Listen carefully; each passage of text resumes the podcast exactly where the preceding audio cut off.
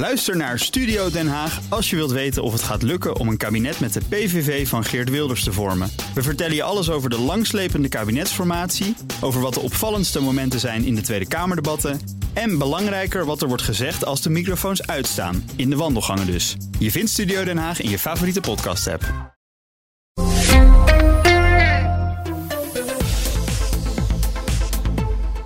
Verkiezingswinst van Geert Wilders is ook buiten Nederland groot nieuws. Internationale media wijzen op gevolgen voor de Europese Unie en het buitenlandbeleid van Nederland.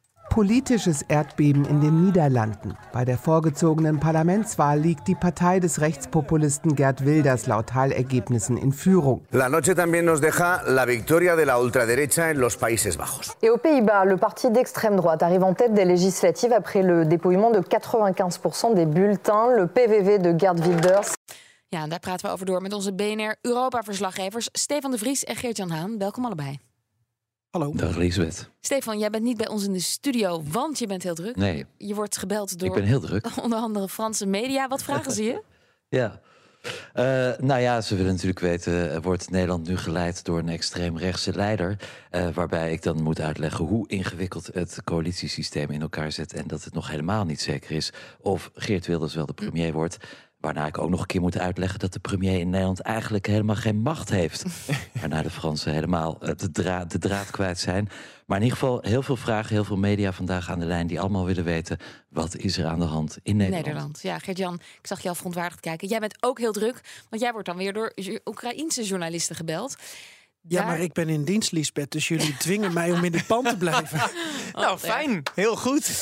Daar zijn we heel blij mee, Geert-Jan. Dus Want- wilde schiet even op met formeren, dan mag ik naar huis. Maar over die Oekraïnse journalisten, ja, daar in Oekraïne kan deze uitslag ook direct gevolgen hebben. Maken ze zich al zorgen? Ja, ze maken zich eh, zeker zorgen. Ook omdat het ingewikkeld is om die uitslag in dat Nederlandse systeem eh, te interpreteren, goed uit te leggen. Ook omdat Wilders vaag is op dit gebied. Bij Marielle Tweebeek in Nieuwsuur gaf hij wel een interview... en daar kreeg hij vragen over zijn banden met Rusland... en hoe hij naar Oekraïne kijkt. Hij zegt, ik wil wel politiek Oekraïne blijven steunen, maar niet militair. Wat houdt dat dan in? Betekent dat ook geen luchtafweer meer naar Oekraïne? Wat op zich een verdedigend middel met is. Duitsland daarover? Dat is toch al een samenwerking eh, deal om gezamenlijk luchtafweer te sturen? Ja, en in principe eh, denk ik dat hij het heeft over nieuwe, nieuw militair materieel dat dan niet meer die kant op gaat. Maar goed, dingen kunnen stuk gaan. Je hebt onder- onderhoud nodig, je hebt munitie nodig. Die defensieproductie, daar heeft hij ook niks over gezegd. We weten gewoon een heleboel niet van Wilders.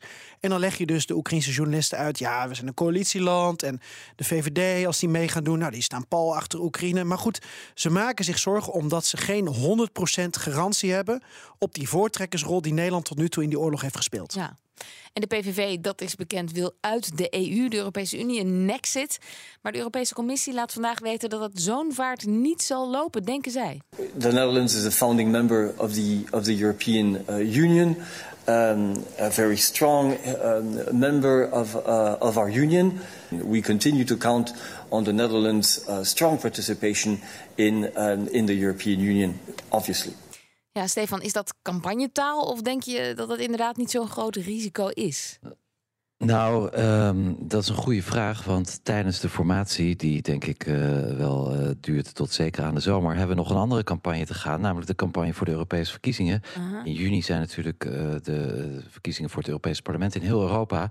En ja, dan zal er toch echt door Nederlandse partijen duidelijk moeten gemaakt worden wat zij met Europa willen. Want het is nu onduidelijk. In het programma van Geert Wilders staat nog steeds het referendum over een nexit. Ik heb de andere partijen toch eigenlijk niet zo heel duidelijk dat horen afwijzen.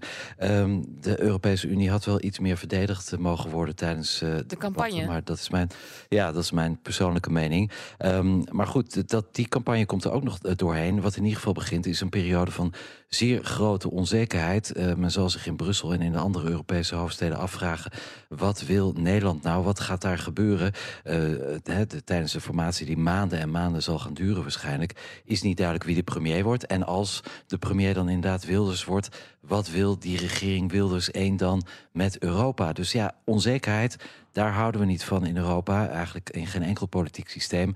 Ehm, dat is toch echt een grote bedreiging voor de stabiliteit en voor de positie ook hè, van Nederland in de internationale en Europese instellingen. Want ja, ehm, wat, wat kunnen we eigenlijk nog uh, betekenen als duidelijk wordt dat er toch een nexit komt, althans in de woorden van de nieuwe grote blonde leider van het land. Ja, ik zie uh, Geert-Jan al een beetje fronzen. Jij, jij, jij denkt dat de soep misschien niet zo heet gegeten wordt. We hoorden net Stefan praten over de, nou, de risico's van een instabiel land.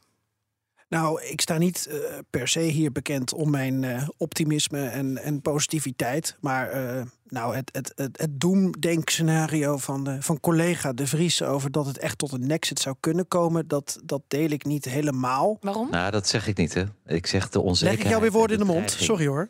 Nee, nee, nee. De dreiging en de onzekerheid, dat is natuurlijk, dan kom je in een padstelling.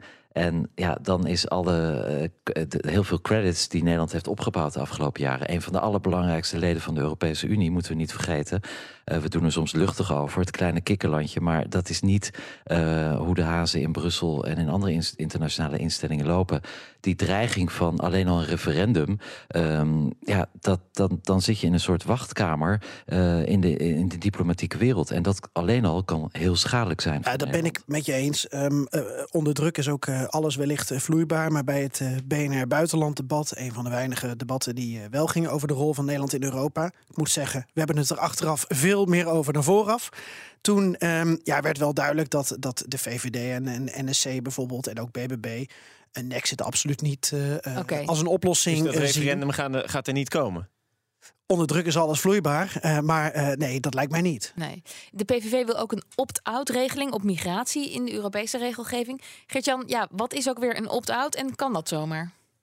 Nou, een opt-out is een, eh, een, een manier om ergens niet aan mee te doen, om ergens uit te stappen. En uh, een opt-out wordt vaak bedongen als je een, uh, een verdrag bijvoorbeeld ondertekent. En dan zeg je van nou, ik wil dat verdrag wel ratificeren, maar op een bepaald punt niet meedoen. Dat hebben de Ieren wel eens gedaan, de Britten wel eens gedaan. Maar ook de Denen, die hebben dat erg veel gedaan. En dat hangt dan samen bijvoorbeeld met het verdrag van Maastricht. En dan zeg je dus in het geval van de Denen, wij willen niet meedoen, onder andere op het onderdeel migratie. Nu is dat een onderdeel uh, waarbij je wel kunt zeggen dat uh, PVV, maar ook VVD, BBB en NSC daar best wel voor te porren zouden zijn.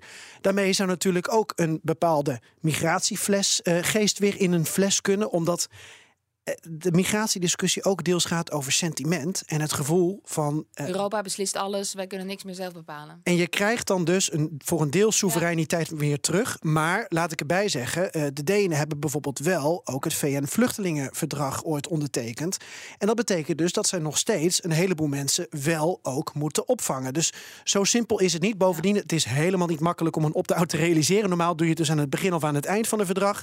En aan het eind zou zijn dat je wel tot een exit komt. Maar goed, niks is onmogelijk. Nee. En Stefan, um, ja, steeds meer lidstaten in Europa lijken een ruk naar rechts te maken. Ik zocht het even op. Het was een enorm rijtje. Uh, de Smer-partij in Slowakije. AFD heeft in de West-Duitse deelstaat enorm gewonnen. De PiS-partij in Polen. Um, en, en Orbán natuurlijk in Hongarije. Nou ja, Meloni Italië. De Finnenpartij in Finland. De Zweden-Democraten in Zweden. Ja, eigenlijk denk ik nu, hoe hadden we het niet kunnen zien aankomen? Hoe zie jij dat? Ja, nee, kijk, de peiling gaven natuurlijk al aan dat, dat Wilders in de lift zat. Um, maar dat het zo zou zijn, zo extreem, die overwinning. Ja, ik, ik heb geen idee. Ik ben geen opiniepeiler en ik heb ook geen glazen bol. Wat mij wel verbaast is dat iemand die al sinds het einde van de 20e eeuw in een parlement zit en eigenlijk niet heel erg veel, uh, ja, een, een, heel goed track record heeft, toch nog heel veel mensen kan verleiden. Mm -hmm. Je ziet inderdaad de trend in veel andere Europese landen dat populistische partijen nog, ja, nog meer winnen dan ze eigenlijk al de afgelopen twintig jaar hebben gedaan. Um, het is wel zo dat eigenlijk het hele politieke spectrum naar rechts is opgeschoven. Dat natuurlijk de, de, de grote bijdrage, als je het zo kan noemen, aan de politiek van Geert Wilders is geweest dat andere partijen ook elementen ja. van zijn taal hebben opgenomen. En daardoor zou je kunnen denken, uh, misschien, dat mensen nu eigenlijk de voorkeur gaan geven aan het origineel en de kopieën al helemaal niet meer geloven. Um, ik heb er ook geen hele sterke verklaring voor. Ik ben geen politicoloog. Maar ik, ik denk dat dat ook meespeelt. Dat zie je ook in andere landen, bijvoorbeeld in Frankrijk, waar Marine Le Pen's taal heel erg onderdeel is geworden van de andere politieke partijen. Um, toch prefereren uh, veel kiezers Marine Le Pen en Ja. niet die partijen die haar proberen te kopiëren. Nee, Gert-Jan? Nou, ik denk dat ik wel een idee heb van waar het onder andere aan ligt. En dan kom je denk ik toch weer uit bij migratie.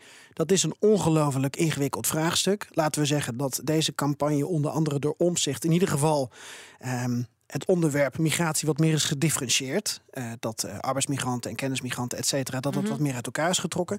Maar zowel voor heel veel landen in de EU als voor de EU zelf geldt dat we maar niet goed weten op welke manier we dit kunnen oplossen. Het is een heet hangijzer. En ook in aanloop naar de Europese verkiezingen zie ik dat de messen alweer worden geslepen.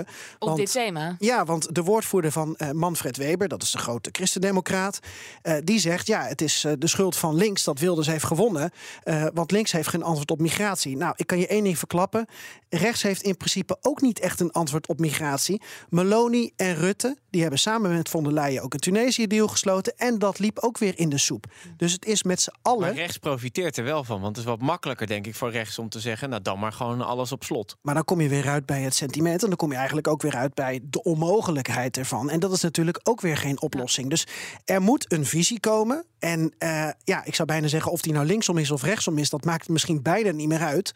Want er moet gewoon een antwoord op komen. Anders dan blijf je deze onvrede Maar voor de constant houden. verkiezingen gaat dat niet komen, natuurlijk.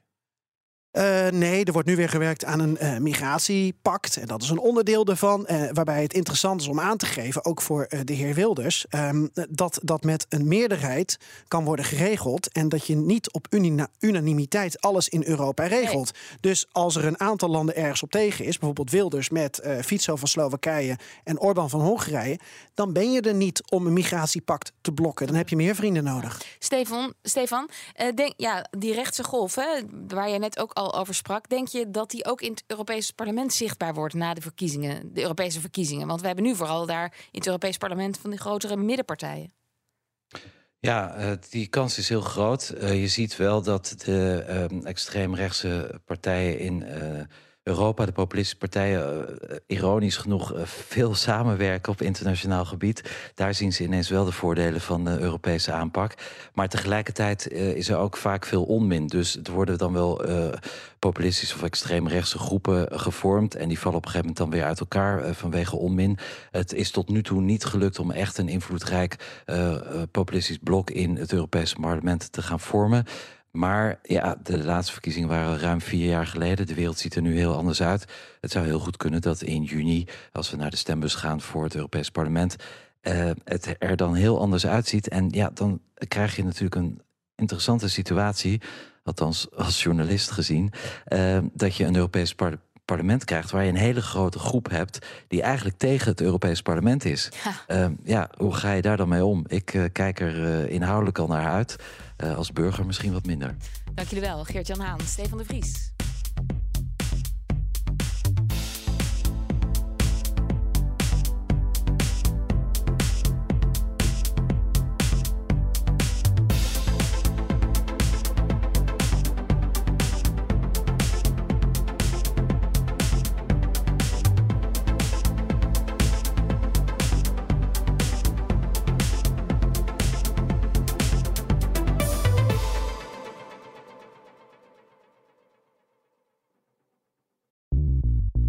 Bij BNR ben je altijd als eerste op de hoogte van het laatste nieuws. Luister dagelijks live via internet. Bas van Werven. En heel langzaam komt de zon op rond dit tijdstip. Je krijgt inzicht in de dag die komt op BNR, het Binnenhof in Nederland en de rest van de wereld. De Ochtendspits. Voor de beste start van je werkdag. Blijf scherp en mis niets.